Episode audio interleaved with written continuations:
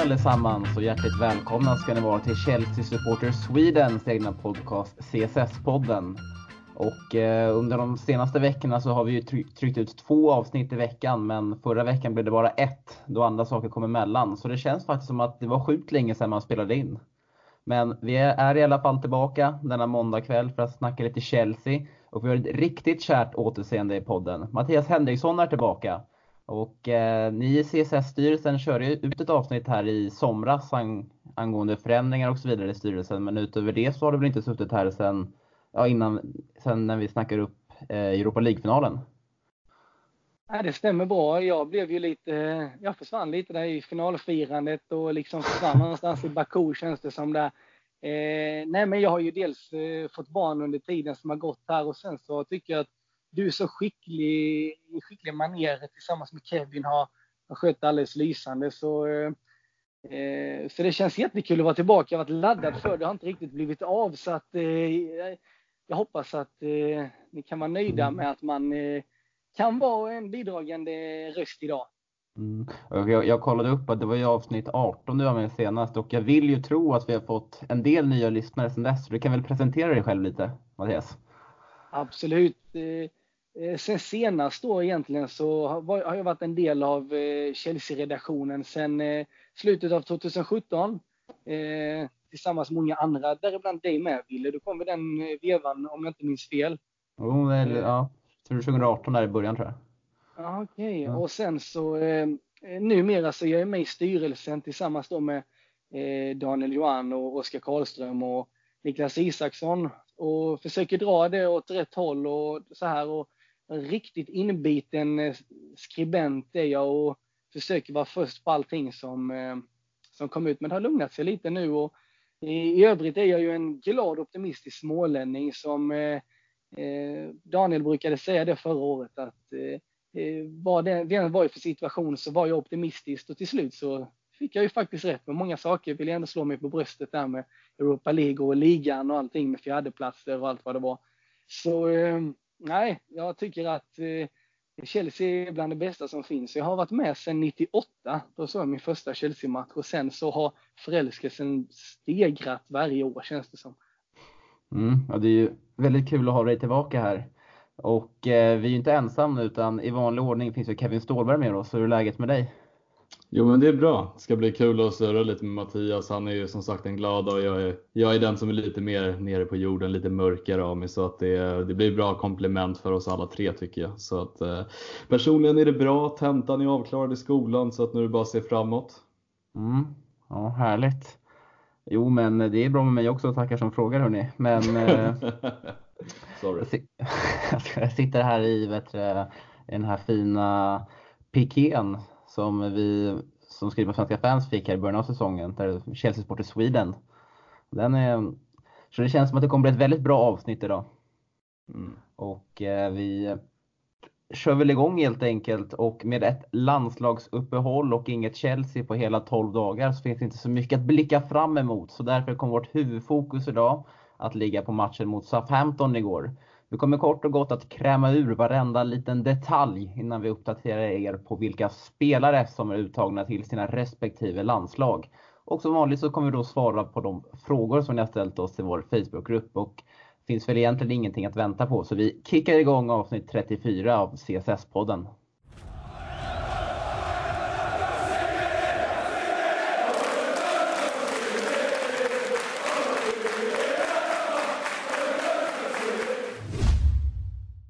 Fjärde raka segern för Chelsea. Grimsby, Brighton, Lille och Southampton igår eftermiddag och Frank Lampard och sin squad går definitivt på klubblagssemester med arbetsro.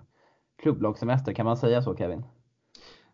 Ja, du, ja du, du får tre solar kanske av det, det uttalandet. Men eh, jag tycker verkligen att det är, eh, ja, men det är verkligen ett steg mot rätt riktning. Vi, har ju varit lite skeptiska i början mot eh, resultaten. Eller man har inte varit skeptisk, man har varit lite så här, ja men hur ska säsongen ta vägen och så vidare. Men eh, fyra raka vinster är ju väldigt bra resultat. Jag, jag känner mig i alla fall bekväm med det läge vi ligger i, både Champions League och eh, ligan. Eh, såklart så är förlusten mot Valencia rätt bitter, men eh, nej, summa summarum tycker jag Lampard har gjort det bra första halvan utifrån de förutsättningarna han haft.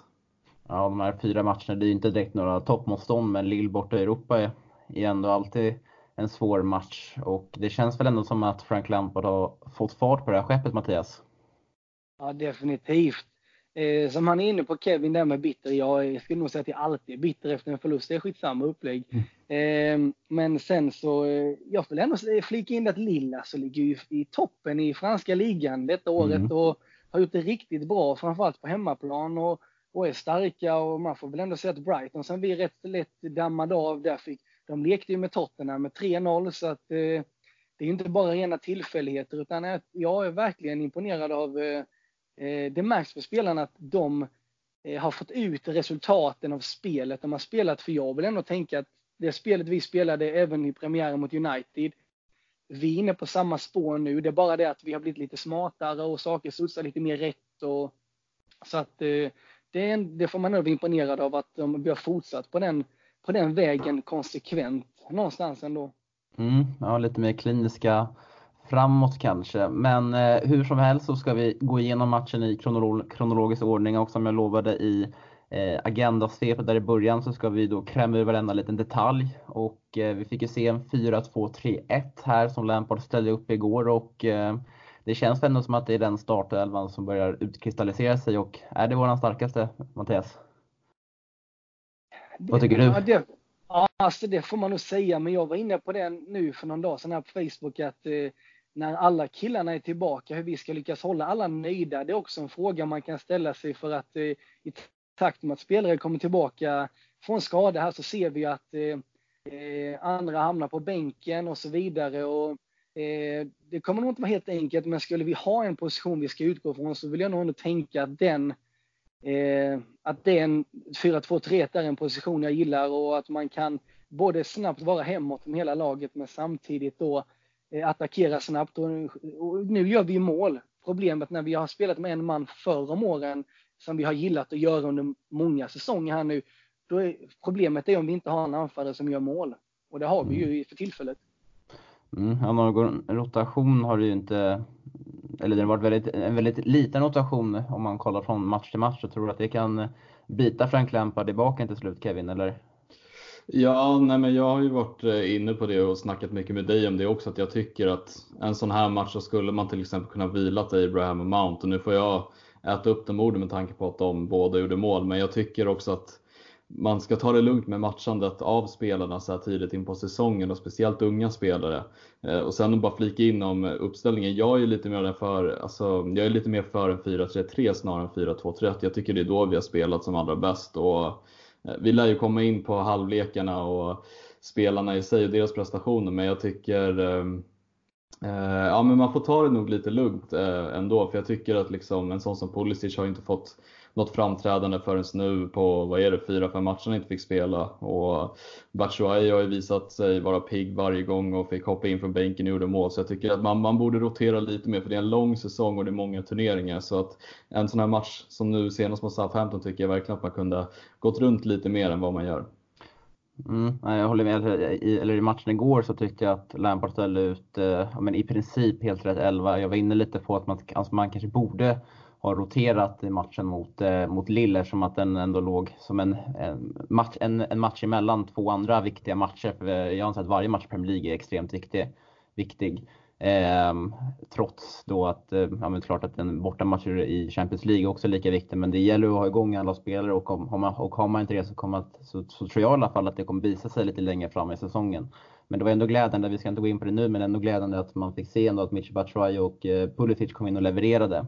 Men eh, Kevin, du sa att du förespråkade en 4-3-3 där och eh, när vi talades vid i, under matchen mot Lille så hävdade du att eh, man inte riktigt får ut det bästa av Jorginho och Kanté, två man i mitt fält. Och vad lite mer precis menar du med det och hur, ja, om vi börjar med det, vad tyckte du, vad, vad menar du? Eh, men jag tycker eh, man kan se i matchen mot Southampton på Kantés sätt att vara på planen att absolut, han gör mål, eh, han vinner boll, det är i princip det han, han gör även när han är halvskadad eller när han kanske är lite sämre form. Men jag tycker att i ett 4-3-3 så får Kanté en tydligare roll som bollvinnare lite högre upp i banan och kan transportera lite mer offensivt. jag tycker det är svårare att göra med ett eh, tvåman mittfält med Jorginho bakom som jag vill ändå ha med hans fötter lite mer och det, det är svårt om Jorginho ska vara den som ligger hela tiden längst ner och liksom tar hand om den defensiva positionen och så har vi Kanté som hamnar i någon liksom mittemellanroll. Jag tycker att det blir mer komplett med Kovacic, Jorginho och Kanté som har väldigt tydliga roller med Kovacic som ligger lite mer defensivt, vinner lite boll längre ner, Kanté som kanske transporterar lite mer offensivt, vinner boll lite högre offensivt och Jorginho som får ligga i sin registerroll och fördela bollar och lite längre långbollar och så. Så att det är min personliga åsikt. Håller du med den Mattias eller har du några invändningar? Alltså jag är med på den, men vi kan ändå se att eh, hur vi ändå har formerat vår uppställning senaste tiden så ser vi att Jorginho får ju gigantiskt med beröm senaste tiden. Och nu även blivit utsedd liksom till vice lagkapten och han själv har i intervjuer sagt att eh, eh, Lampard är inte ute efter samma spel som Sarri. Förra året och det gynnar honom bättre för att han behöver inte bara köra de här eh, kortpassningsspelen hela tiden för att Lampard inte vill ha det. Eh, jag känner, känner dock att eh, jag vill inte, i där vi är nu så, så är jag nöjd med hur vi än spelar och jag tror det är bra att anpassa det efter motstånd. Men sen när vi kommer se att eh, Hudson och ger mer form, Ruben kommer komma in på mitten och så vidare. Eh, då tror jag att vi kommer se de förändringarna för den tyngden kommer att eh, eh, Ruben och det som innebär en annan sorts eh, dynamik med sitt spel. Då tror jag att vi kommer få se skillnad. Jag tror Lampard kan hitta den rätta lösningen där men eh, jag, jag, ja, jag, han anpassar nog spelet mycket mer efter spelare nästan som, som Mount och dem nästan än, än vad han gör efter de här två killarna vill jag ändå tycka. För Kanté vinner ju boll även om han skulle vara högerback. Han kan spela vänsterback istället för Marcus Alonso. Så kan vi slänga in en till på mitten. Det hade inte spelat någon roll för Kanté. Mm.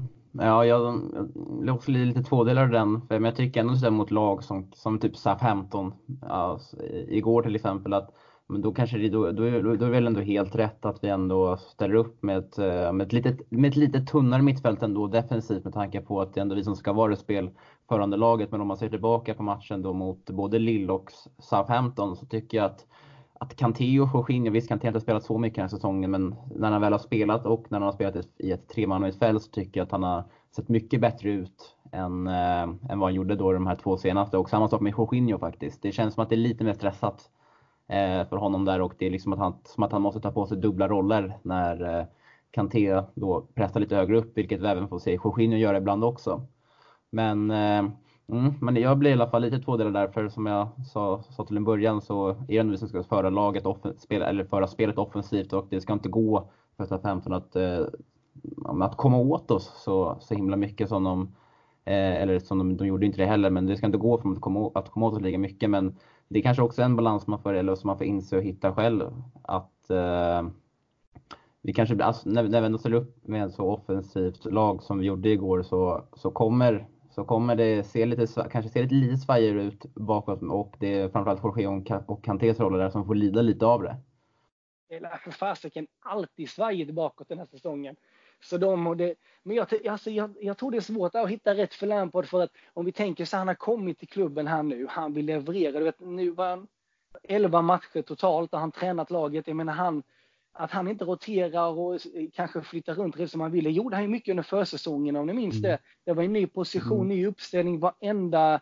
Ingen av oss visste ju vad han ville, vad ville han nå fram med och jämförde vi med Darby året innan så, så var det inte alls så som han tänkte. Eller som vi förväntade oss. Och där någonstans har han kanske inte riktigt landat än, för han har ju sett att många killar har varit borta som nu har börjat komma. Och han har behövt ha de här enkla segrarna. Han behöver ju sätta bästa manskap mot Lille.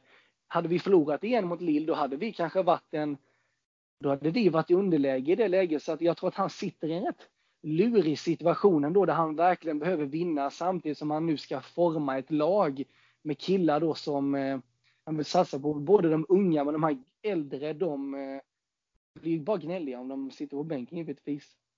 Ja, nej, men, ja, jag tror i alla fall att, eh, att det, det här är den elva vi i princip, om, vi får se sen när alla skadade spelare kommer tillbaka, men ungefär den här elvan och den här uppställningen tror vi kommer att få se när vi möter motstånd som vi, som vi på pappret i alla fall ska, ska vinna mot. Och, Sen tror jag att Frank Lampard kommer eh, anpassa sig till återgående till tre man mittfält. Till exempel möta Ajax borta här i Champions League i nästa omgång och, eh, och sådana matcher som ja, men de övriga topp 6-lagen både hemma och borta. Mm. Vad säger du ja. det Kevin?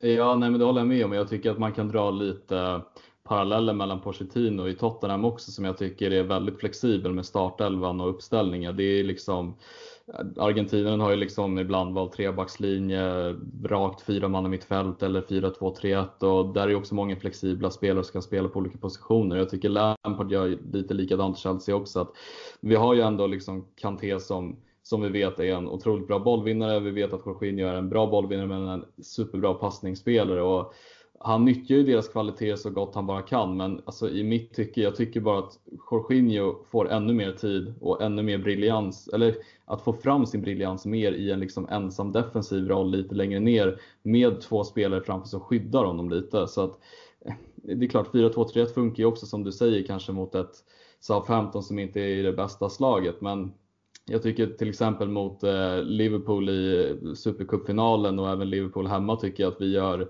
otroliga bra insatser i andra halvlek mot Liverpool på, i Premier League då. Eh, och jag tycker att det, det, är de gånger vi har gjort våra bästa insatser när vi har spelat 4-3-3 för då tycker jag att alla får väldigt tydliga roller.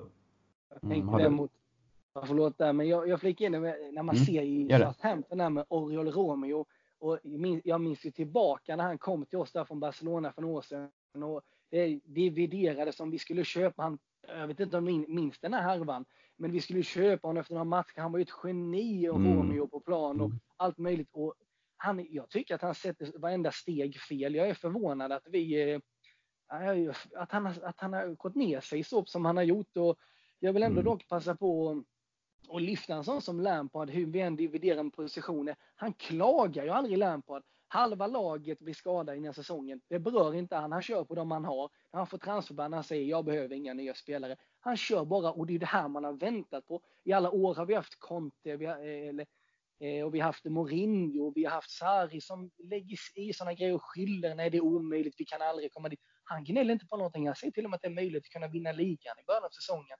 Visst, visst har man saknat det. Jag är verkligen han, han, man, han sitter ju aldrig i en intervju efteråt och gnäller. Så det känns fantastiskt kul. Mm. Jo, ja, det är någonting som vi också varit inne på mycket i podden också, att, eh, att man, man får ett intryck av Lampard i alla fall, att han är väldigt ärlig och uppriktig i allt han säger och eh, det som du säger Mattias, att han, eh, att, att han ändå sprider sån, alltså en sån, alltså han har sån tro på det egna laget och han ändå sprider en sån, sprider bara positivitet runt omkring sig. Det, det, det, det är klart uppfriskande. Eh, dock så kan man ändå, som jag tycker, jag tycker ändå lite mysigt ändå när med till exempel Konto och Mourinho. Jag gillar ändå när de, när de ändå vet du, ställer sig, eller, de, eller, eller, när de ställer krav rättare sagt på sin omgivning och eh, men då på ledningen. Ehm, eh, och det vet vi ju också, det är kanske någonting vi kanske kan få förhålla oss, förhålla oss till nästa säsong när eh, eh, när Chelsea återigen får värva spelare och vi får se då hur Frank Lampard kommer tackla det. Om han då kommer vara, om han, jag tror inte att han har det i sig, eller just nu i alla fall att han, han, han har inte jag tror inte han kommer vara lika krävande som både Conte och Mourinho var, men vi får se vad som händer sen när vi får, eh, när, när transferbandet är borta och eh, kanske blir lite en, eller att man säger lite högre krav på, på ledningen då. Jag vet inte. Men... Första, för första gången så vet vi faktiskt inte vad ledningen förväntar sig av en tränare. Ända sedan de kom in 2003 har vi vetat att här ska presteras, här ska vara guld, här ska spelare in. Nu är första gången på allvar där är ledningen nöjda om vi kommer femma, sexa? Är de nöjda om vi presterar?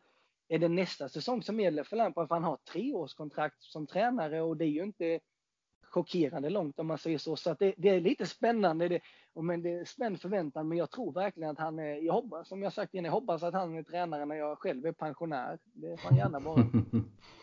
Mm, ja, vi får se helt enkelt. Men eh, ja, jag tycker i alla fall bara att det är synd att eh, eh Kovacic inte verkar få en plats just nu. Mm. För jag mm. tycker att han i alla fall har startat säsongen, eh, säsongen riktigt bra. Eh, men eh, ja, vi ska inte bli, vi är redan långrandiga här och det ska vi inte bli. Så jag tycker att vi går in direkt på matchen och startar då i första halvlek. Vad säger du om den Kevin? Nej, men jag tycker vi startar väldigt bra. Vi eh, satte taktpinnen och vi, vi gör mål tidigt. Eh, Abraham som vanligt verkar ju göra mål på allt nu och marginalerna med sig på sin sida. Och jag tycker han gör det väldigt fint också. Det är, det är skickligt att liksom kunna pricka ändå mål från det avståndet. Och, eh, nej, men jag tycker det, det såg stabilt ut. Sen så, sen så händer ju någonting. Vi får liksom någon typ av hybris efter vi har fått in 2-0 att vi liksom blir väldigt bekväma och backar tillbaka och så kommer liksom det här dråpliga 2-1 målet och vi, äh, det var ett riktigt tafatt försvarsspel. Jag, liksom, jag tror det var han, eh, vad heter han, eh, Valery på högerkanten som liksom dribblar förbi 3-4 pers och lyckas få in den till Ings och så Mori, eller Zuma står fel och, äh, men det var bara liksom klappkast, liksom så här korpenivå på försvarsspelet igen och det har man sett så många gånger den här säsongen att man börjar liksom bli väldigt konfunderad vad det är som verkligen händer för att det, vi behöver i sådana här matcher också kunna hålla nollan på bortaplan. Och så var det vi ett bra bortafacit men för att kunna komma långt i Premier League så behöver vi kunna hålla fler nollor än vad vi gör för att det, vi, vi, vi släpper in alldeles för enkla mål. Mm, ja, Valeri i den situationen ser ut som Messi. Alltså, eller, mm. alltså, och det är Chelsea som framställer honom som Messi, det är inte direkt så att han, att han besitter de kvaliteterna obvious nog. Men, eh, men jag håller med dig du säger att det, det, det, känns, alltså, det blir, det, alltså jag gräver mig rätt, jag grävde mig rätt mycket efter matchen. Jag tycker att vi gör en bra match men det insläppta målet, det, det, det känns alltså det, det, jag lämnade inte, eller stängde inte av tvn då med, med en god känsla. Vad säger du Mattias? Jag instämmer. Alltså jag tänker också, kan inte Kepa lyckas pilla bort den från målet?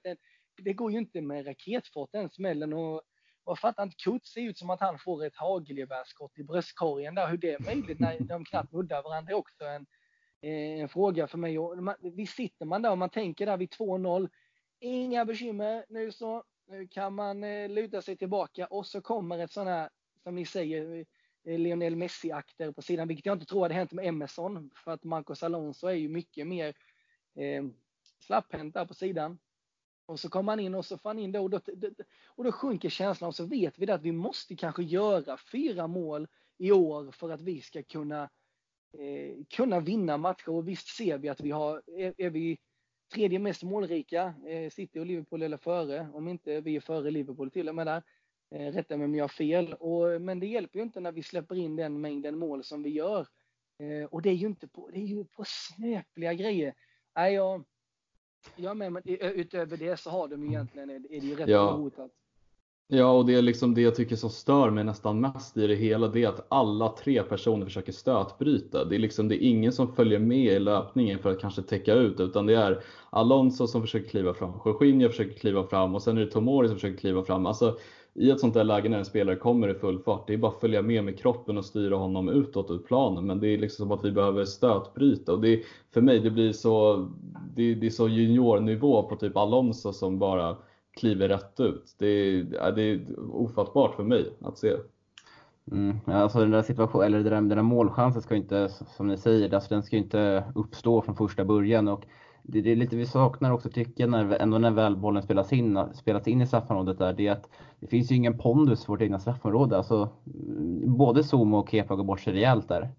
Alltså, mm. även, fast det, även fast situationen inte ska uppstå så ska den bollen, när den väl kommer in, först och främst ska den bara bort av Zuma och Kepa ska stå upp i den situationen mm. också. Han ska inte lägga sig ner och göra sig, och göra sig omöjligt för sig själv att inte kunna röra sig.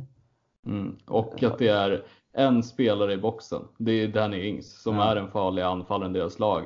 Likväl står Zuma en halv meter ifrån honom och Ings hinner före och glida. Det är liksom också tafatt markering att man inte kan se det som mittback.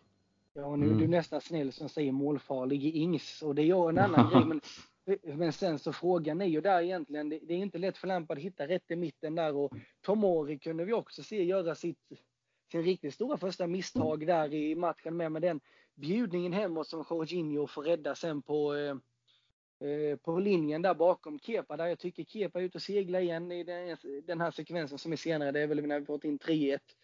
Eh, och där jag känner att eh, återigen där, så nära att bjuda till på ett mål och det är lite så vår säsong ser ut hittills.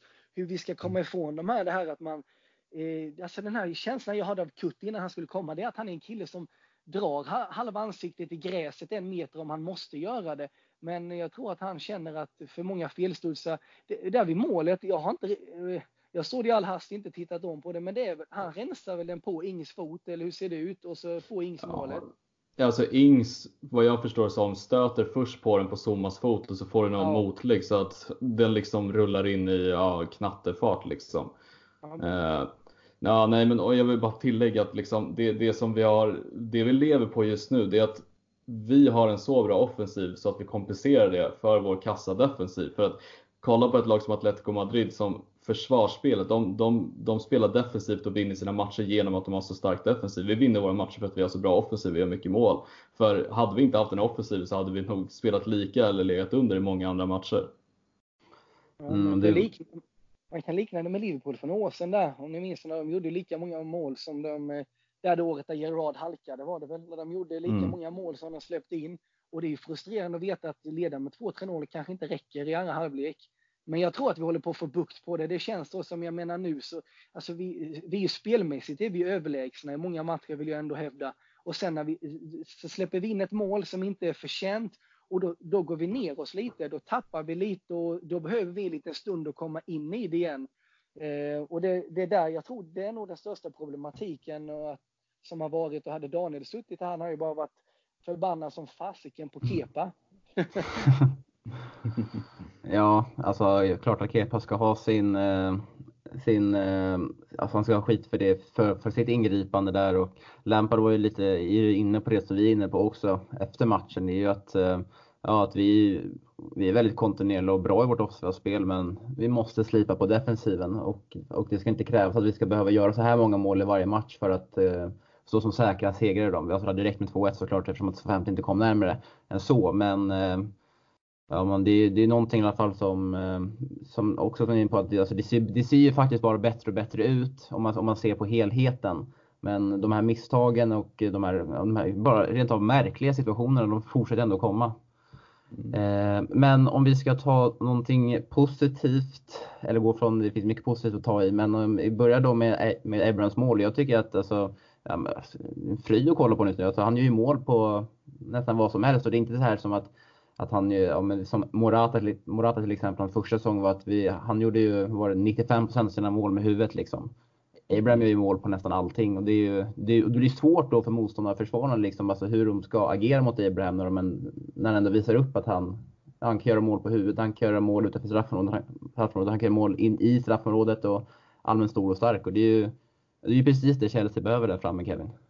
Ja, nej, men jag håller med och jag tycker också den mesta positiva utvecklingen för mig med Abraham, det är ju inte att han gör mycket mål, för det vet man att han har haft i sig, att han kan smälla in ex extremt många bollar. Det är ju att han har ju verkligen slipat på sitt allround-spel i spelet också. Han har verkligen anpassat sig efter laget och han utnyttjar nu sin stora kropp mot de här fysiska mittbackarna Har lagt på sig några kilo och liksom, man kan se att han kommer ner och möter, täcker undan för två mittbackar och drar på sig, eller får en frispark med sig och ja men du vet så här, kämpar och krigar. Morata var ju en eh, finlirare som ville löpa djupled och bränna den tre meter över efter när han fick sitt läge medan Abraham han krigar järnet, han eh, visar sig stor och stark och är bra targetspelare och gör mål på de chanser han får också. Så att det eh, jag tycker verkligen just det här allround-spelet, han passar väldigt bra. Vi, vi har ju alltid spelat med som bäst när vi har haft en riktigt stor och stark anfallare, typ som Drogba, Costa och Abraham. Det är ju liksom, vi trivs ju med det snarare kanske än en målfarlig, eh, eller målfarlig, nu var ju inte Morata speciellt målfarlig, men en utpräglad målskytt liksom, utan vi trivs ju med kompletta, starka anfallare som kan både springa snabbt, löpa bra och vara väldigt stora och starka targetspelare. Så att, eh, han har verkligen kommit in bra den här första halvan. Mattias, vad säger du om Tam Abrahams mål här och kanske inledning på hela säsongen? Ja, fantastiskt. Jag vill dra mig till minnes där, Ville, förra året, att vi pratade mycket om Abraham och du hyllade honom. Du följde honom rätt mycket Championship och känslan eh, vi hade andra, och andra runt om med Face var mest att han petade in bollar. Men den, den, eh, du var rätt ute redan där kan man konstatera för att han, han, är, så, han är så himla allround och därför eh, får man hoppas att det spelet håller i sig även när inte han fungerar. Han har ju det här att han tittar ju sällan mot mål när han skjuter, när han, när han tar avslutet. Det är som att han är, han är säker. Ibland hade jag velat se honom titta, för han kan även sparka bort någon, något bra läge då och då. Och jag, jag är mycket nöjd. Innan säsongen så var ju förhoppningen innan vi skulle få transferband att vi skulle värva in någon kille så här som Alexander Mitrovic eller något. Någon stark bäst där framme som mest skulle göra de andra bättre. Men det här måste ju vara bättre än vad vi har än vad vi kunde ha förväntat oss. Och, och han, jag tror att han gör inte bara, han gör, han, det är så mycket med honom med dynamiken. Ni vet, de pratar mycket om det efter matcher allihopa där att ja, vi har känt varandra sedan vi var små, jag, Tomori och Mount och och sånt här snackar ju Tammy mycket om och, och jag tror att det är så mycket mer än bara det vi ser på plan just nu som försiggår. Att vi, vi pratar verkligen, Abraham är ju verkligen han älskar ju att spela för Chelsea. Han har ju väntat på den här möjligheten hela sitt liv, så för honom är ju det ehm, eh, fantastiskt att det blir ett resultat utav det. Men om vi spinner vidare på det då, för det var någonting också som de uppmärksammade i Match of the Day-studion eh, också lite senare under gårkvällen. Det är här att de visade upp flertalet exempel under matchen där Callum Hudson-Odoi, Mason Mount och Abraham hittade varandra väldigt mycket eh, under matchens gång. Var det någonting som du också såg Kevin, som du lade märke till?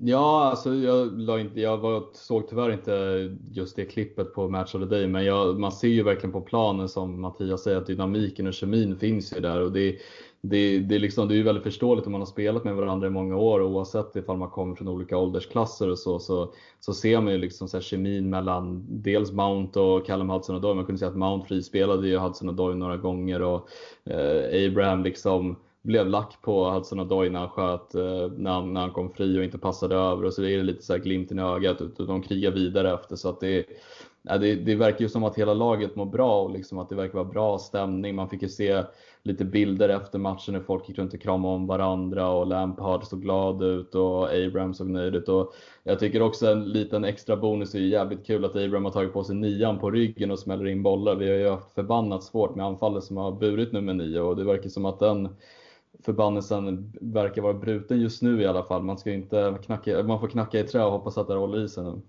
Ja, men det är liksom det, som du säger, alltså, att alla de här tre, Mason Mount, Abraham Hansson, de kommer ju från olika åldersklasser.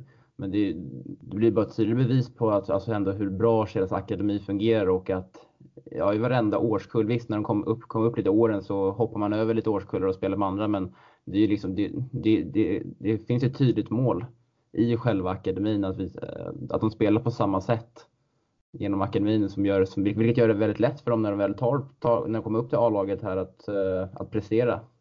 Eftersom att de, de, de, de har blivit inskolade, inskolades i ungefär samma spelsätt och system sedan de var åtta år gamla. då är det klart mm. att det, det faller väldigt naturligt för dem att de hittar varandra väldigt lätt på planen.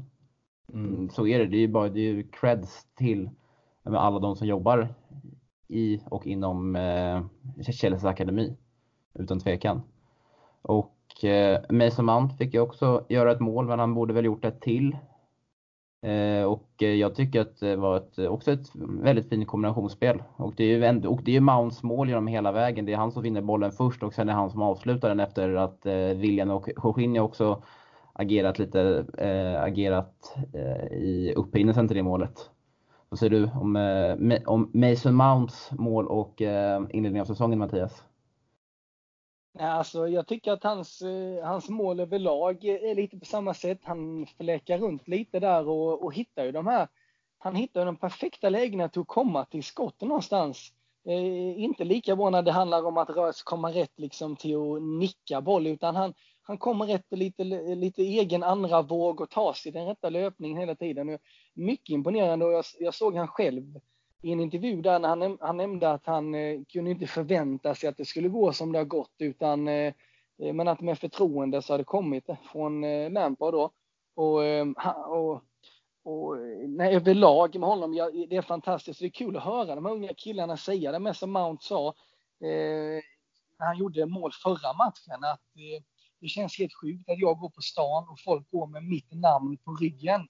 Och jag tror att den, eh, det, det ger nog honom än mer som han vill visa för folk på, på stan för Chelsea att han vill vara en del av detta och han, eh, de här liknelserna man kan se med, eh, med Lampard som många gör, där, där ska vi inte förivra oss. Eh, men eh, visst kan vi se de här tendenserna för Lampard poppade ju alltid upp där vi behövde det och han, han liksom, Mount har ett sätt att skära in på ett vis som jag tycker är svårt och eh, eh, Ja men det är unikt. Jag ser inte att andra redigt rör sig så på det viset att han liksom, han, han, han sällan offside, kommer precis, ja ah, där dyker Mount upp från ingenstans. han snor bollar från sisterbacken. Han är liksom som att han inte existerar på något vis. Jag är sjukt imponerad av det. det, det, det han, och sen att han, eh, nej, och sitter bara de här sista lägena, vi minns ju den här eh, han sköt över där i för matchen nu där, där alla Liverpool. Ja, nej, det var ju, han, men han är ändå där. Och nästa, med lite mer erfarenhet och lugn där, då sitter ju den i nättaket istället. Men jag tror inte att vi ska, jag tror ändå Lampard måste komma till en stund med både Abraham och Mount där de får vilas lite killarna med för att det, det är mycket att bära på sina axlar som 20 år också. Men å andra sidan, det har väl andra killar gjort genom åren också kanske. Mm, absolut och eh, ja det här med, man, man kanske Ja, I matchen mot Lille så försvann ju både Abraham och Mount lite ur den och kändes, kändes inte att de tog för sig lika mycket som vi har sett dem göra tidigare under säsongen och igår. Men har du någonting att addera kring det vad Mattias säger Kevin? Ja, nej men verkligen och jag tycker liksom det är spot on förklaring på, på Mount. Jag tycker man kan se ändå, det, det är verkligen inte samma spelare Mount och hur Lampard var, men det, det, är just det här att dyka upp i rätt tillfälle och ha modet att avsluta. Jag tycker i Lillmatchen till exempel hade det varit ett ypperligt läge att vila dem båda för att eh, man såg, som du sa, att det var lite mer avslaget från båda sidor. De såg väldigt trötta ut. Det var en match mitt i veckan och där borde man kanske använt sig av en Batshuayi och Pedro möjligen på en kant eller någon annan ytter. För eh, att eh, det är som sagt en väldigt lång säsong. Premier League är ändå känd för att det är, bland de hårdaste och tuffaste ligorna att matchas i kontinuerligt. Och debutsäsongen, du är väldigt ung, du kanske inte har samma typ av muskler som eh, fullvuxna 27, 28, 30-åringar har. Liksom. Så, eh, vi får ta det försiktigt med dem, men eh, de har ju å andra sidan burit oss genom säsongen. Vi har förlitat oss på dem och de har ju verkligen bidragit. Eh, så det, äh, gud, det är väldigt eh, fina vindar som blåser just nu. Mm, och eh, innan vi går över till och börjar prata lite mer inriktat på andra halvlek kan vi bara nämna det här 3-1 målet. Känns inte som att vi behöver diskutera lite närmare på det. är liksom Kanté skjuter bollen och eh, mm. den tar, får en rejäl styrning på sig. 15 spelare. Lite, lite tydligt där bakom Angus Gunn. Eh, men några sista ord om första halvlek eller ska vi gå vidare? Har du något mer att tillägga? Eh, andra halvlek då? Tycker jag, jag, det, det jag fick av andra, av andra halvlek var att det var typ som att vi tränade på att försöka bara kontrollera matchen och försöka spela av den. Förvisso kommer vi ändå till en, till en del bra lägen. Jag tänker framförallt på Hudson Odoys friläge, men det känns inte direkt som att vi är lika heta som vi var i första Mattias. Nej, definitivt inte, utan eh, vi hade ju lika väl tryck, kunnat trycka på för ännu mer som mot Grimsby där, men eh, landar ju inte i, i, den situationen och där kanske vi till och med skulle ha bytt in tidigare för det var länge sedan jag såg någon så målkåt som Micho Batshuayi. Alltså, Eh, sju man i väggen, inga problem jag skjuter kompis. Så de, eh, och han, och både han och kanske Giro och så vidare, de, eh, Pulisic ännu mer tid till de killarna. För, men det som vi säger, att, eh, en bra förklaring där på att vi, det var som att vi tränade på hur man kan eh, eh spela, spela av en match skickligt. Eh, men eh, nej, det var, det, man får ändå säga att det är inte helt lätt att komma till, till deras hemmaplan där St. Marys och, och, och, och, så enkelt manövrera ut det med halvlek när de kom taggade till andra där. Så att eh, det får vi ändå ta med oss. Mm, och eh, Mitchell Batshuayi där, han har gjort nio mål för Chelsea Premier League varav åtta har kommit eh, från, eh, från inhopp och det verkar ju börja bli en liten supersub Kevin. Vad säger du om hans mål igår? Ja, nej men det är väl ett typiskt eh, Mitchie-avslut tycker jag. Han är ju extremt dubbelfotad och kan ju avsluta från, från olika vinklar och han, han är ju en sån jäkla måltjuv. Det är liksom det är en snäv vinkel ändå. Målvakten står ju placerad vid stolpen men ändå hittar han den mellan benen på honom. Jag tycker det är patenterat Michi. Det är så han har gjort mål. Så han gjorde mål i Dortmund också när han, när han gjorde det bra där och även i eh, Marseille när han spelade där. Han är, jag tycker också att han har, han har biffat till sig väldigt mycket under sin, eh, sina år nu. Att han, han, eh, måste vara att han hade en del muskler när han kom men han har blivit ännu starkare tycker jag. Och Eh, det är väl, det är väl liksom jag tycker att det är det perfekta andra valet egentligen just nu. Jag tycker att han går före Giroud i rankingen och det som är ändå rätt härligt med de här tre spelarna är att vi har en Abraham som är rätt komplett, vi har en Mitchie som är väldigt, eh, väldigt bra målskytt och en Giroud som är väldigt stark target. Så att det är tre anfallare med väldigt olika kvaliteter men som är väldigt kompletta för Chelseas trupp och anfall. Och jag, det känns ju väldigt bra just nu. Sen jag tycker också att alltså, bytena kommer ju alldeles för sent. Jag kan ju se lite stats från senaste matchen att det var ju dubbelbyte på Eh, Kovacic och Pulisic skulle komma in och det här skedde ju 80 minuten och så kör vi sista bytet 84. För mig, det ska ske tidigare. Vi har en så pass trygg ledning. Jag tycker att släng in någon i alla fall i 65 eller 60 eller något sånt där och se till att vila spelarna som kanske ska iväg på landslagsuppehåll också. Så att, eh, det är väl lite det man kan efterfråga Lampard. Sen tycker jag att alla tre byten är perfekta. Vi får en Pulisic som gör en assist, en Batshuayi som gör ett mål och en Kovacic som stänger ner matchen. Jag tycker alla tre byten är de spelarna jag vill ha in på planen i alla fall. Men lite tidigare kan man, kan man fråga sig. Mm, alltså jag tänkte också på det för att man fick ju se Hudson-Odoi framförallt fick en ordentlig smäll mot, eh, ja, mot nästan Anken där som har varit skadad och man kände ju liksom nej när han gick ner gräset där. Men ändå så fick han spela på ändå ett, ett tag efter det. Och samma sak gäller Mason Mount som ändå också kom, som ändå fick, eh, som drog på sig den där skadan mot Valencia det kändes så här att det här varit ett, alltså det finns ju som också, och de här två spelarna, alltså ändå alla våra tre eh, ynglingar där framme, Tim Abraham Mount och eh, Hassan Doy får ta mycket smällar under hela matcherna och eh, kunde absolut se att Lampard gjorde bytena redan att de, eh, mellan minut 60 till 70 för att vila dem och säkra upp dem och samtidigt kunna lufta lite fler spelare. Det är som, som ni säger, det är väldigt märkligt, eh, tycker jag i alla fall. Men Eh, Eh, Christian Pulisic fick ju komma in och eh, assisten han gör till, till eh, Mitchers mål där den är ju, ja, det är ju toppklass Mattias. Ja, definitivt. Och ja, någonstans är det väl det vi har förväntat oss av Pulisic. Jag är lite förvånad att han inte spelar, men jag tycker ändå att det var han som kändes eh, under både försäsongen och inledningen av säsongen att nej, men det här blir en kille vi kan lita på. Lampard gav honom mycket cred. Eh, tycker jag inledningsvis att han, men sen har det mer övergått till att han behöver mer matchning, han behöver mer komma in i det, men jag tycker, och ja, Pulisic är ju 20 också, så att han eh, eh är kanske lite mer, och han behöver lära av eh, Premier League och allt detta, men jag kan ju tycka även i, i matcher som mot Grimsby och så även här avslagna matcher ger honom lite mer eh, spelutrymme så att han kan komma in i det, för annars så kommer det nog bara sätta troll i huvudet på honom. Det, för konkurrensen är så pass, eh, så pass hårda på hans positioner att eh, eh, då måste de få chansen att kunna visa vad de gör. Men jag tror att han missar nog inte det på träning heller kanske. Ja, för om man kollar på vad som hände igår så nu verkar även eh, Odoi vara, vara, vara före Pulisic i rangordningen där. Hur, ja, definitivt. Men ja, ja. sen Pulisic kör ju, och sen har ju Hudson då kommit in, han gör ju sina poäng. Jag såg han intervju här nu efteråt i Chelsea TV att han sa jag måste själv bli mer kliniskt, eh, klinisk i mina avslut.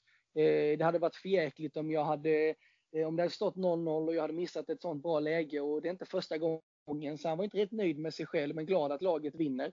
Eh, men det är lite så Hudson då jobbar. Han är ju rätt på, rätt fram. Han tar ju läget hellre själv än att han passar.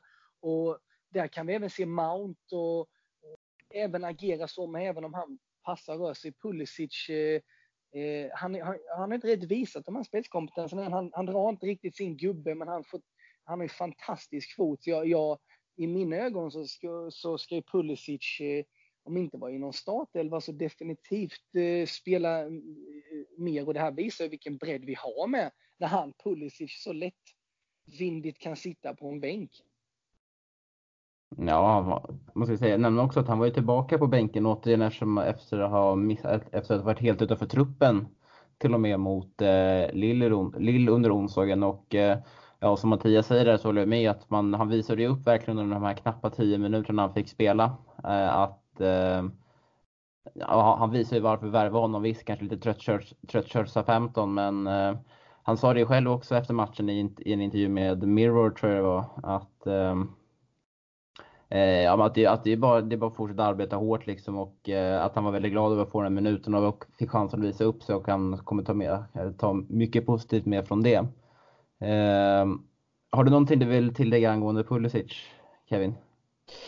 Eh, ja, nej men alltså han kom in och bidrar med en assist och det är, ju, det är ju som Mattias säger, man har ju saknat mycket av det här raka spelet från Pulisic. Jag, det, det som dock är kul att se är ju kemin mellan han och Batshuayi. För Batshuayi var i Dortmund under den perioden Pulisic var som bäst. Och även där fick, eh, fick jag lite flashbacks och kollade upp lite YouTube-klipp på deras eh, kemi de hade. De hade många passningar till varandra och speciellt då Pulisic fram till Batshuayi som stängt in en hel del mål. Och, eh, Ja, han kändes lite tryggare i sitt... Alltså det inhoppet han kom in och bidrog med såg ju såg ut att vara hans bästa minuter han har spelat för Chelsea. För jag tycker tidigare under säsongen så har han ju eh, inte alls tagit liksom för sig utan han har oftast vänt hem och hoppats på den lätta passningen och torskat bollen när han försökt göra sin gubbe. Och det, det, tar ju såklart ett tag att komma in i Premier League. Eh, samtidigt som jag tror att det skulle gå snabbare om man kommer från tyska ligan gentemot kanske att komma från den italienska ligan eller från den spanska ligan med en annan kultur och ett annat språk och så. Nu pratar ju Pulisic engelska och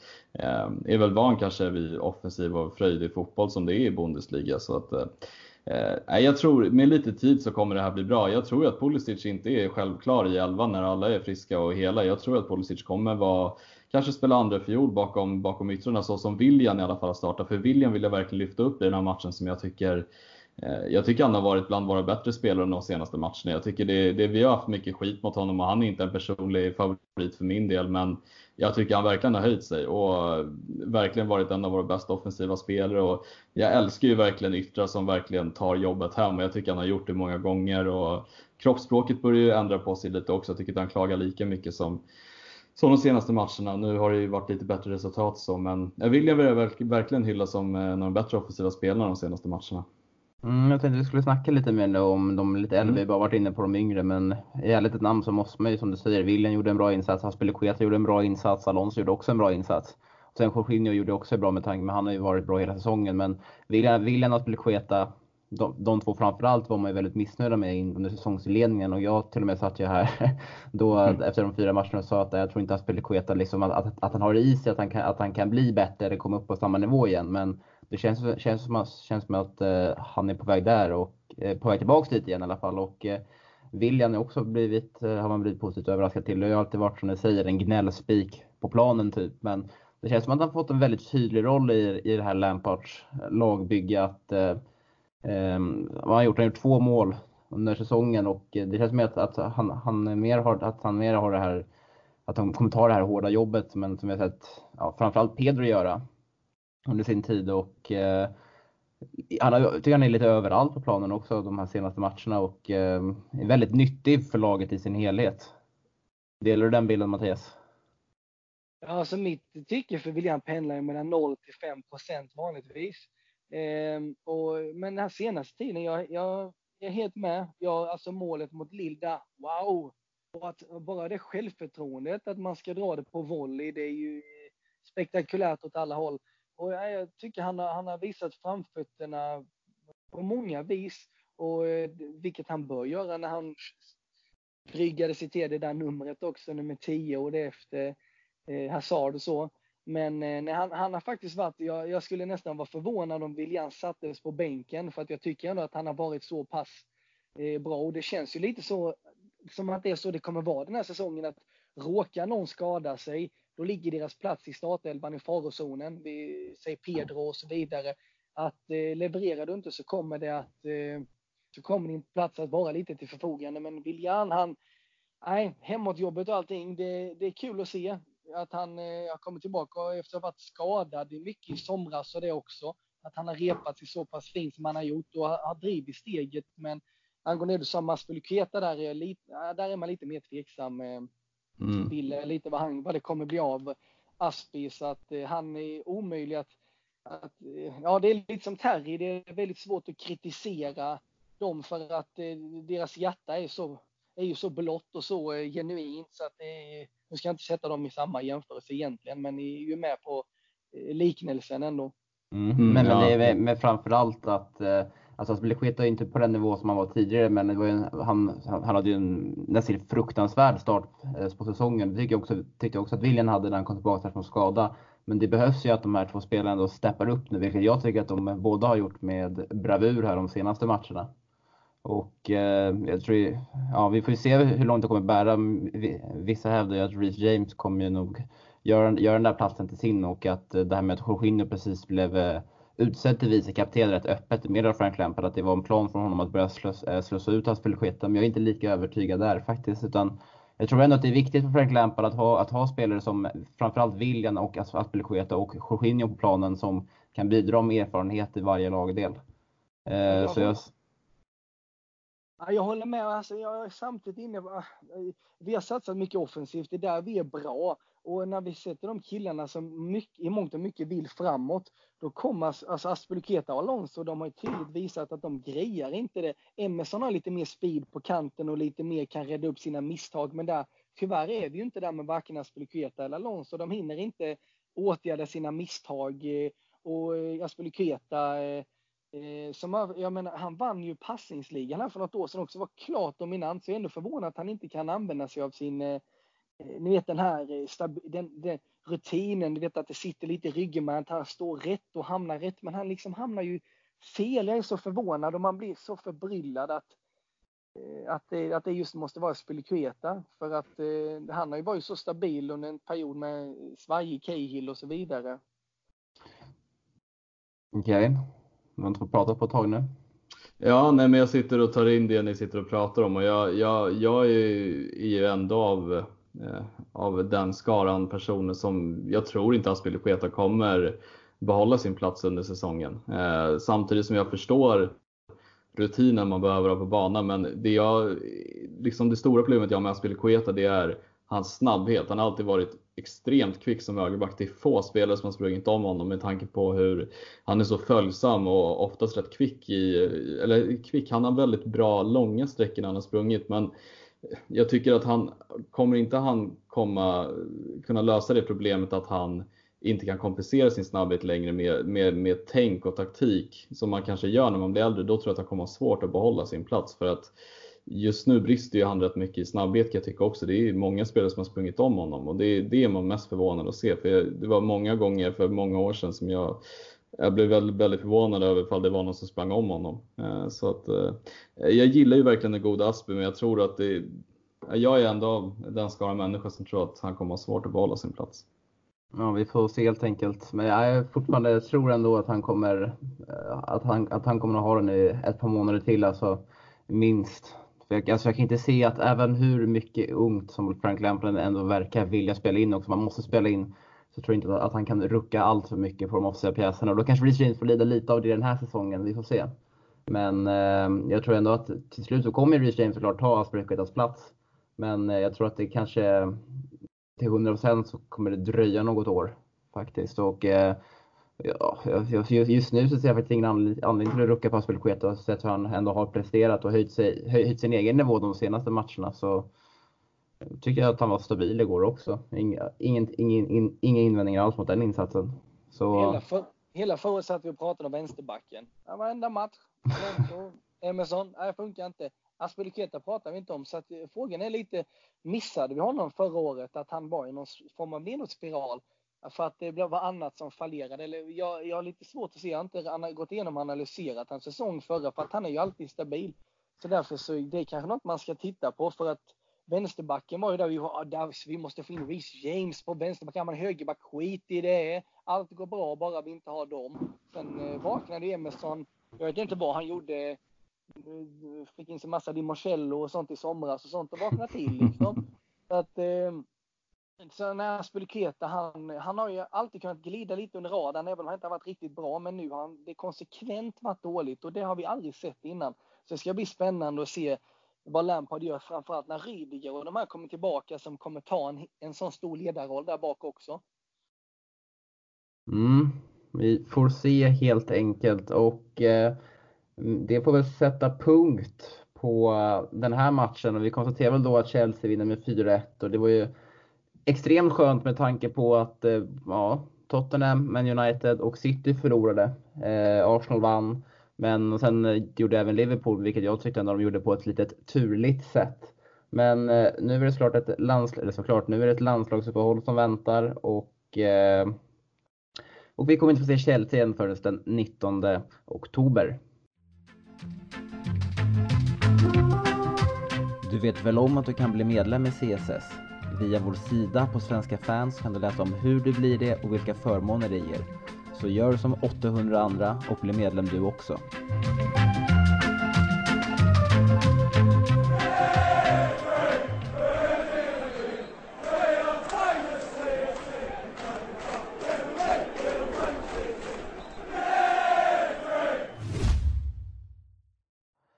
Landslagsuppehåll och det är en drös Chelsea-spelare som har blivit uttagna och får då äran här att representera sina landslag då i framförallt eh, då majoriteten av spelarna från Europa så är det då EM-kval som gäller.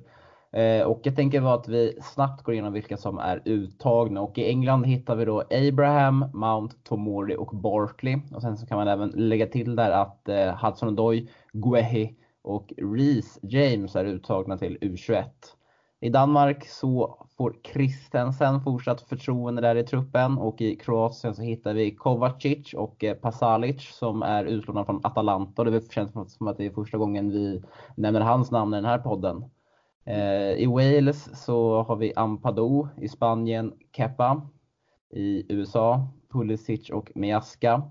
Och i Frankrike så är Kanté tillbaka efter att ha missat det förra eh, landslagssamlingen på grund av skada och även Zoom och Giroud är med där. Och eh, Belgien, Belgien där vi känns som att man brukar alltid hitta många Chelsea-spelare så hittar vi bara Michi Batshuayi den här samlingen och det är inte så konstigt att de andra har lämnat oss. Eh, I Italien så Jorginho och eh, Emerson hade väl varit med där eftersom inte han var skadad och samma gäller det för Rydiger som också missar den tyska landslagssamlingen på grund av skada. Och, eh, eh, ni får välja ut en sak var och eh, ta med er från det här. Vi börjar med dig Mattias. Ja, då får man väl säga att jag såg en artikel här för någon dag sedan där Deschamps lite skämtsamt sa om Giroud där att han kanske personligen får ringa till Lampard här nu och, och eh, fråga varför han får spela så lite då, då det är hans eh, från target. Alltså han är ju en ordinarie i startelvan för Deschamps men Eh, det blir inte lätt för honom att göra den bedömningen när inte den gänglige, läckre fransmannen spelar någonting. Nej, det verkar ju som att ändå Deschamps och Lampard har lite bra kontakt. För jag minns att när Kanté ut, eh, blev lämnad utanför här i början på september så var det ju på begäran då, eller från, inte begäran, men från önskemål av Frank Lampard att han skulle få den här eh, chansen att vila upp sig. Eh, så vi får se ifall Deschamps lyfter luren och ringer Lampard och eh, vad, vad tar du med dig Kevin? Ja, nej, men jag blir ju lika förvånad varje gång när Ross Barkley rattar vidare taxin mot eh, landslaget. Och, eh, sen har vi ju då Tomori och Abraham som såklart får göra sina ja, debuter i landslagstruppen och vi hoppas på speltid för dem båda så att de blir knutna till det engelska landslaget. För det är, det är det jag tror förbundet vill där också, men även sett utifrån deras prestationer i Chelsea. Så att det, det är alltid skoj. Ja, de kommer säkert bli eh, inkastade där i slutet mot Kosovo säkert. Och eller om de möter mot Kosovo. Jag har faktiskt ingen... Vilka de möter? möter Tjeckien möter de i alla fall. Ja. Elfsborg och Bulgarien den 14 ser jag här. Så att eh, man slänger väl in dem i en 80 kanske mot någon av de matcherna för ja. att bara säkra upp dem för framtiden. Nej men skämt åsido, alltså, Abraham och Tomori förtjänar väl kanske att få spela lite. Mm, eh, ja, sen, Sen är ju också den matchen mot Tjeckien, tar England tre poäng så har de ju vunnit gruppen och gått vidare. Så att eh, jag tror att de kommer få speltid på någon av de där landslagssamlingarna. Så att det är en kul, kul, eh, kul merit för dem. Mm, och eh, det här landslagsuppehållet så kommer ju en, kommer vara en väldigt central del i nästa veckas avsnitt då vi inte har några matcher att eh, snacka, snacka om utan det blir bara då lite inför Newcastle och hur det gått för våra spel under landslagsuppehållet. Så jag tänker att vi lämnar det där och eh, går direkt då till eh, lyssnarfrågorna här som har kommit in i, eh, i podden. Och eh, många som vanligt så har vi, har vi gått igenom under avsnittet. Och, eh, men vi har en fråga från Balsar Högman, Högman som, eh, eh, som undrar om vi ser någon förbättring i Kepa. Men att han räddar några viktiga bollar men dräller en del med bollen och är lite fig på hörnorna. Och Kevin, du har varit inne lite på att det kanske är dags att lufta honom lite mot Caballero.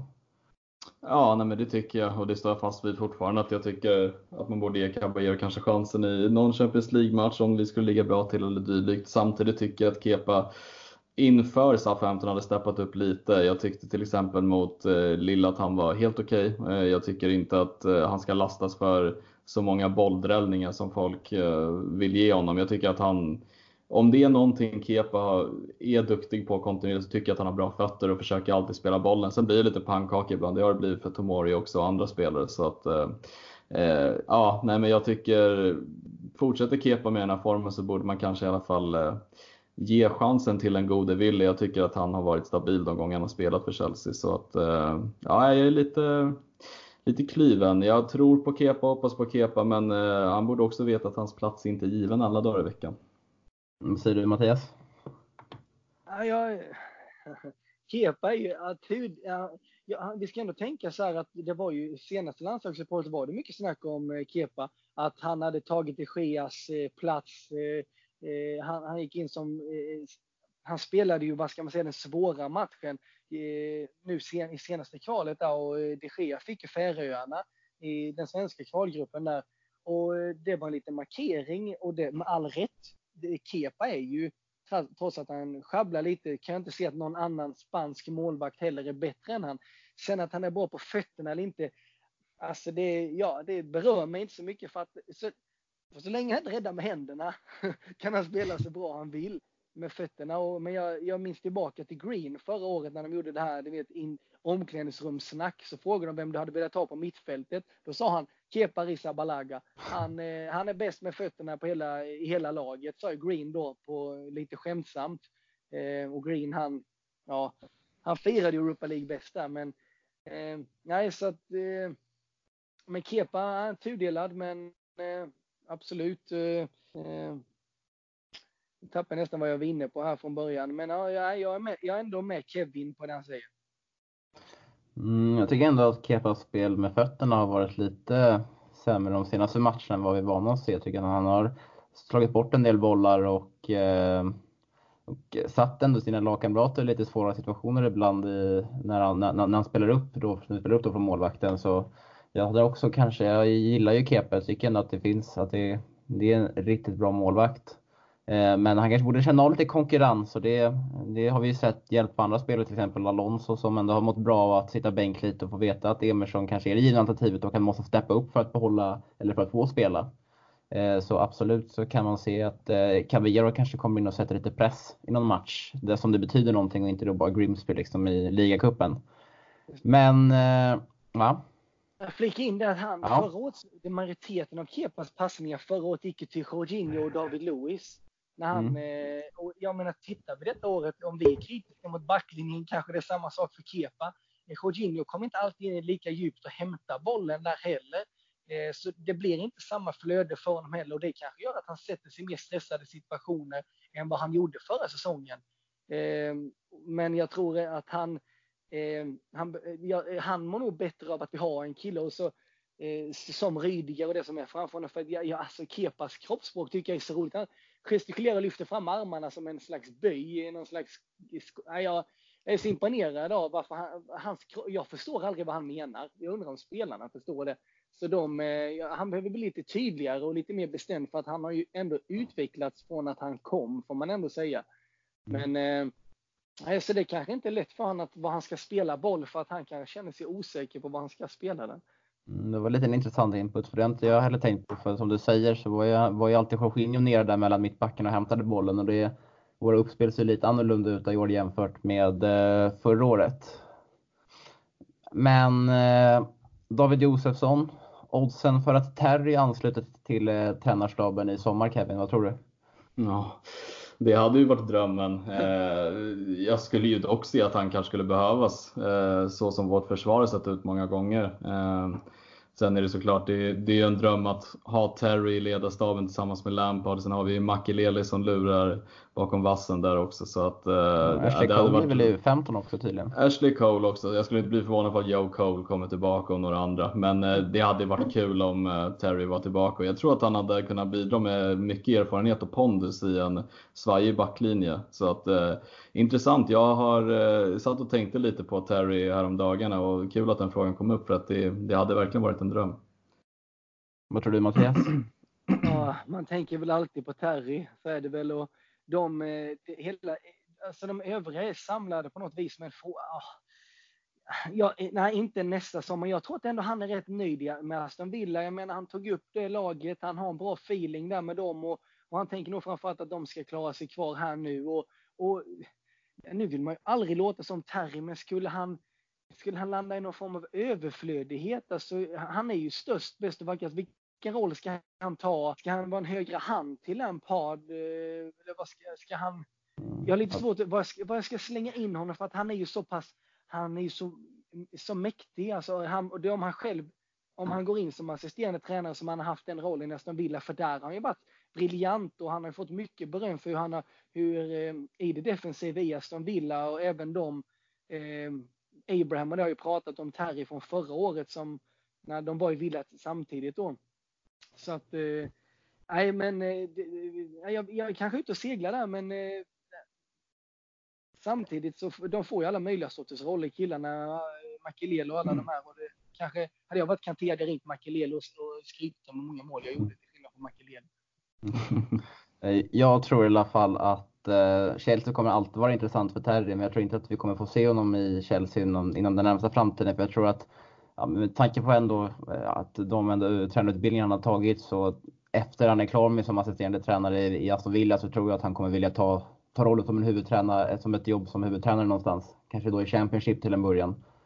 Um, och sen får vi se hur det utvecklar och artar sig. Men jag tror att det ja, så länge, för, alltså, det kändes så liksom där när både Frank Lampard och John Terry eh, tog, eller valde att utbilda sig vidare till tränare, att någon av dem kommer ju ta Chelsea så småningom. Liksom. Och det blev Lampard som tog det först och vi kanske, John Terry kanske kommer ta några år, det vet man aldrig. Liksom, men jag tror inte att vi kommer få se honom redan till nästa sommar. Eh, för jag tror att han kommer nog ändå vilja sikta mot en eh, roll som huvudtränare. Eh, Andreas Norberg, vad tror vi om att skeppa William och Pedro i januari? Sista, sista chansen att casha ut på dem. Mm. Eh, jag satt ju och tittade nu lite snabbt på deras marknadsvärde och William ligger då på 35 miljoner eller euro blir det och Pedro ah. ligger på 20. Och eh, jag tror vi aldrig kommer få ett bud runt 30 på William eller 20 på Pedro heller för den delen. Pedros kontrakt går väl ut också nu i sommar? Ja precis och jag, jag ser inte varför vi egentligen ska skeppa iväg dem redan i januari. Jag tycker det är bra att ha äldre spelare som konkurrerar också med yttrarna och ha den erfarenheten i laget. Sen så tycker jag också att man ska låta dem vara kvar säsongen ut och sen utvärdera om de behövs vara kvar i klubben eller inte. En sån som Pedro börjar se trött ut och William har ju varit bra under första halvan tycker jag. Så att eh, jag, jag är inte för att skeppa ut dem i januari. Jag ser också att han, eh, Andreas la ju till också att vi ska gå all in på Sancho. Det är såklart någonting man kan överväga i sommar, men jag ser fortfarande William och Pedro som en del av truppen fram till eh, säsongens slut i alla fall. Mm. Mattias? Ja, nej, de kan vara, som sagt, jag tror inte att det skulle förbättra truppen eller laget på något vis, snarare tvärtom att om vi skulle eh, när det kommer bli ännu mer intensivt om vi slänger in FA-cupen och tar oss vidare till slutspelet i Champions League eh, eh, som vi räknar med givetvis eh, så drar allt det igång någonstans i januari, februari där och, och har vi skeppat båda dem då vid den tidpunkten i kombination med att kanske vi har fått någon skada på både Abraham och, och Mount, då, är, då har det ju sett ljusare ut eh, kan vi konstatera. Och då kanske vi inte ska chansa med att eh, eh, ta ut dem även om marknadsvärdet är där det är. Och jag menar William, eh, ah, vi kommer inte sälja han. Eh, det är bara så för att jag menar under hela sommaren la inte Barca tre bud. De har väl lagt bud eh, tre år i rad. Liknande, de erbjöd han Malcolm också som, eh, som någon slags kompensation där som översteg ett extremt högt värde. Men vi släppte inte ändå. Så att jag tror att William har ju någon, någon han har ju någonting med Chelsea som är, verkar vara svårdefinierat. Men, ja, han har ju en restaurang i London. Ja, men det, det kan ju vara en anledning. Med en annan härlig person. Mm. Ja, Drinkwater eller? Nej, David, Nej, David Luiz. Ja, just det. Det har de ja. Nej, just det. Drinkwater hade ju Manchester där ja. Mm. Nej, så, nej, men skulle, nej, ska man, eh, skulle man välja mellan där så, så tror jag att i sådana fall någon av dem. Men eh, till sommaren är nog det mm. smidigaste. Men det är klart, då får vi inget för dem. Men Chelsea har ju genom åren faktiskt inte brytt sig så mycket om vad de får ut för spelare i slutändan. Mm. Hitta David Louis som senaste exempel. Mm, nej, men jag tror att båda kommer vara kvar fram till nästa sommar och eh, du säger där att om vi tar oss till ett Champions League-gruppspel, oavsett om vi inte tar oss till ett Champions League-gruppspel så kommer vi nog inte sluta sist i gruppen. Så ett slutspel kommer det ändå bli i, i, vinter, eh, i vinter och vår. Om det är Europa League eller om det är Champions League så de kommer definitivt behövas och vi kommer inte, eh, troligt, med största, eh, med största sannolikhet kommer vi inte kunna ersätta någon av dem redan i januari. Så, men som jag varit inne på lite i podden tidigare så att ju, ju längre säsongen lider Eh, så tror jag ändå att både Pirro och William kommer att fasas ut. Och, eh, och jag är nästan säker på att eh, båda kommer att lämna nästa sommar. Kanske, vi får se nu om William fortsätter hålla i sin goda form så kommer väl nog Chelsea-ledningen vara sugna på att förlänga med honom och, och då får vi se vad som händer. Men i alla fall, någon av dem kommer sticka nästa sommar och helst båda för jag känner även att det är dags att eh, gå vidare från dessa två herrar som båda nu har passerat 30. Pedro en bit, William är väl 31 tror jag. Mm. Ehm, men en sista fråga då innan vi börjar avrunda för idag så vill jag ta upp det här. Anders Jonsson, eh, han ser Kanté och Jorginho som givna. Men hur kommer det bli sen med den sista platsen när, eh, med, när Loftus-Cheek är tillbaka? Kommentaren Mount, Kovacic och, och Loftus-Cheek kommer alla slåss om den.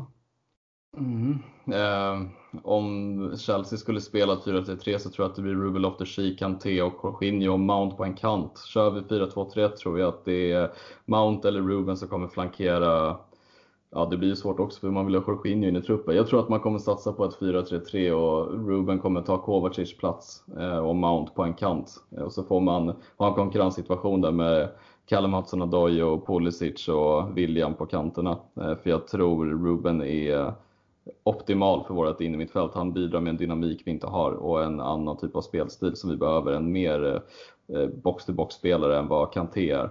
Så att det är min röst i alla fall. Mattias?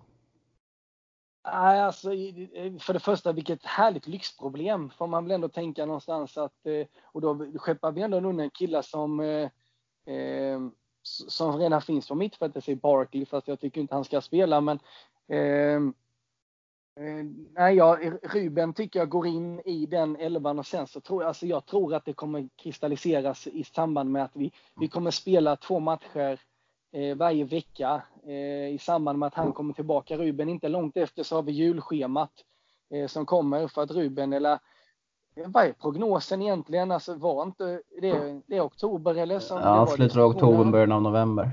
Där, menar, där ska han tillbaka, sen ska han in lite mer matchform och jag menar han är ju tillbaka i december där någonstans och då kommer så, och då vet vi ju av erfarenhet att då höjs ju, då höjs ju pulsen lite också. Så mm. eh, jag tror att det, det på automatik kommer att lösa sig. Men skulle jag, skulle jag få se, skulle jag varit Frank Lampard då, inte riktigt på den nivån eh, ändå, men eh, då skulle jag spelat Kanté eh, eller Kante, eller hur man ska uttala Jorginho och Ruben. Eh, Kovacic har inte riktigt fallit mig lika mycket i smaken av den enkla anledningen att han gör för lite poäng. Ruben är poängspelare, kan, ja, bara, N'Golo är ju poäng hela tiden. Och Jorginho, han, eh, han liksom glider under radarn på något vis. Gör mer ju passningar än assist och så men och jag tror att Kovacic och Jorginho är så lika varandra i sitt spel att det skulle nog stå falla där mellan dem någonstans. Men Mount är med där men han tänker att han kan man slå in där uppe bland dem. Eh, han kan gå in lite mer som en som en ytter eller en topp där på något vis. Men då blir det nästa konkurrensfråga fast det var ju inte Anders fråga så det behöver inte svara på. Uh, eh, nej, men jag är liksom lite, också lite inne på det där. Eller jag tycker att uh, om, om, om Rudolfs och Kik kommer tillbaka och är så bra som han var i slutet av våren och eller under hela förra säsongen, då jag tyckte han var bra när han fick spela hela tiden. Då tycker jag att, eh, att han absolut ska in i elvan. Eh, och då får vi se vem som petar. Alltså, ja, jag, jag, jag, tycker att man ändå man är, att man är väldigt uh, unfair mot uh, Kovacic ändå det här med att han gör för lite poäng. Det är ju en spelare som aldrig har gjort mycket poäng så även fast han får, får spela en kanske lite mer offensiva roll i Chelsea under Sarri framförallt så tycker man varit lite orättvis mot honom och nu, nu, nu när han fått flyttat ner attackbanan så har han ju varit ruskigt bra under den här inledningen av säsongen. Så det blir en fin där, om man ska, om man ska, ha, om man ska ha två defensiva mittfältare så är det väldigt fint att kunna rotera då mellan, mellan Kanté, Jorginho och Kovacic. Så jag tror också som ni säger att det är ett lyxproblem för Lampard som bara kommer gynna konkurrenssituationen och hela laget i slutändan. Ja, min avsikt är ju inte att vara unfair mot honom utan det har att göra med att om jag står där och tittar av vilka levererar då måste jag ju måste jag välja poäng, några poängspelare först. För att, ja, ja, så är det ju. Sen har jag inte, jag har inte mm. upplevt att han i klass, eh, klassrum, om, omklädningsrummet och de här mjuka värdena med Kovacic. Han är inte den som sticker ut. Man hör sällan honom som någon slags eh, snubbe som du vet förhöjer dynamikkänslan. Jorginho är lite mer lurifax, en liten filur som jäklas lite och Kanté, han är ju bara kul han så länge han existerar och sånt där. Och jag tror att sådana, eh, jag väger nog in det i min, eh, i min bedömning, men sen för Lampard så ja, jag tror som sagt det kommer eh, det kommer gå självmant det där med skador som kommer och går eh, automatiskt och så spelare som eh, ja, men som titta Emerson som har varit given och sen nu så har vi Marcos Alonso och så då funkar inte han heller. Men nej, nej vi får se. Mm. Men spännande att vi tycker lite olika där, men Barkley verkar sitta på bänken vilka, hur vi än vrider och vänder på det. Ja, han kan vi nog eh, glömma tycker, ja, framtiden. Ja, han kan nog sitta kvar i taxibilen ett tag till ja. faktiskt. eh, och med, ja, som ni inte känner till det så, ju, så blev Ross Barkley efter matchen då mot, eh, vad var det, i, mot Brighton där så fick, åkte Ross Barkley hem då till Liverpool och eh, ja, han, han hade lite, mm, en liten konversation där med eh, diverse folk och var lite märkligt inte märkligt. Han var påtagligt berusat och eh, berusad och fick ha lite med polisen att göra och kanske därför han inte ens var med i truppen mot Lill.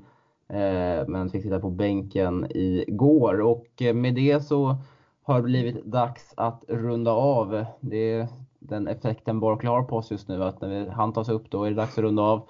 Eh, är det någonting ni vill tillägga här innan vi slutar spela in?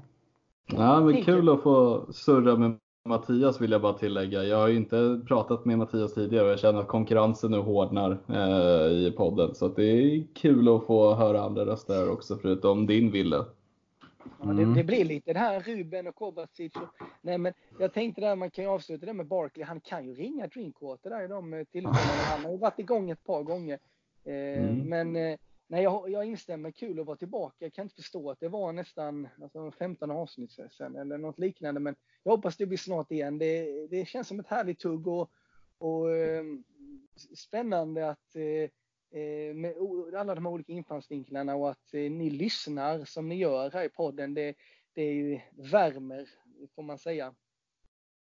Mm, absolut, och du, självklart så är du hjärtligt välkommen tillbaka i framtiden också. Så det är det inget snack om. Men eh, ja, jag håller med. Kul att sitta och surra här en måndag igen och det är ju trist nu att det är landslagsuppehåll. Det känns som att eh, man fortfarande är inne i det här att vi, det känns som att det var igår man satt här för eh, 20 dagar sedan och sa, eller 23 dagar sedan att eh, ja, nu är det ju minst sagt sju matcher här på ja, 23 dagar. Eh, och nu är det över och nu får vi inte se Chelsea på 12 dagar igen. Men vi är ändå tillbaka nästa avsnitt med, nästa vecka med ett nytt avsnitt. Och jag får väl passa på att eh, uppa lite för att ni ska följa oss på sociala medier. Det finns både på Twitter och på Instagram under namnet Chelsea Sweden på Twitter och Chelsea Sweden official på Instagram. Och även såklart följa oss på eller följa våra, vårt nyhetsuppdatering då på Svenska fans där vi pumpar ut artiklar, artiklar dagligen då med allt som sker runt om i klubben. Och med det sagt så får jag önska er alla en trevlig vecka. Ha det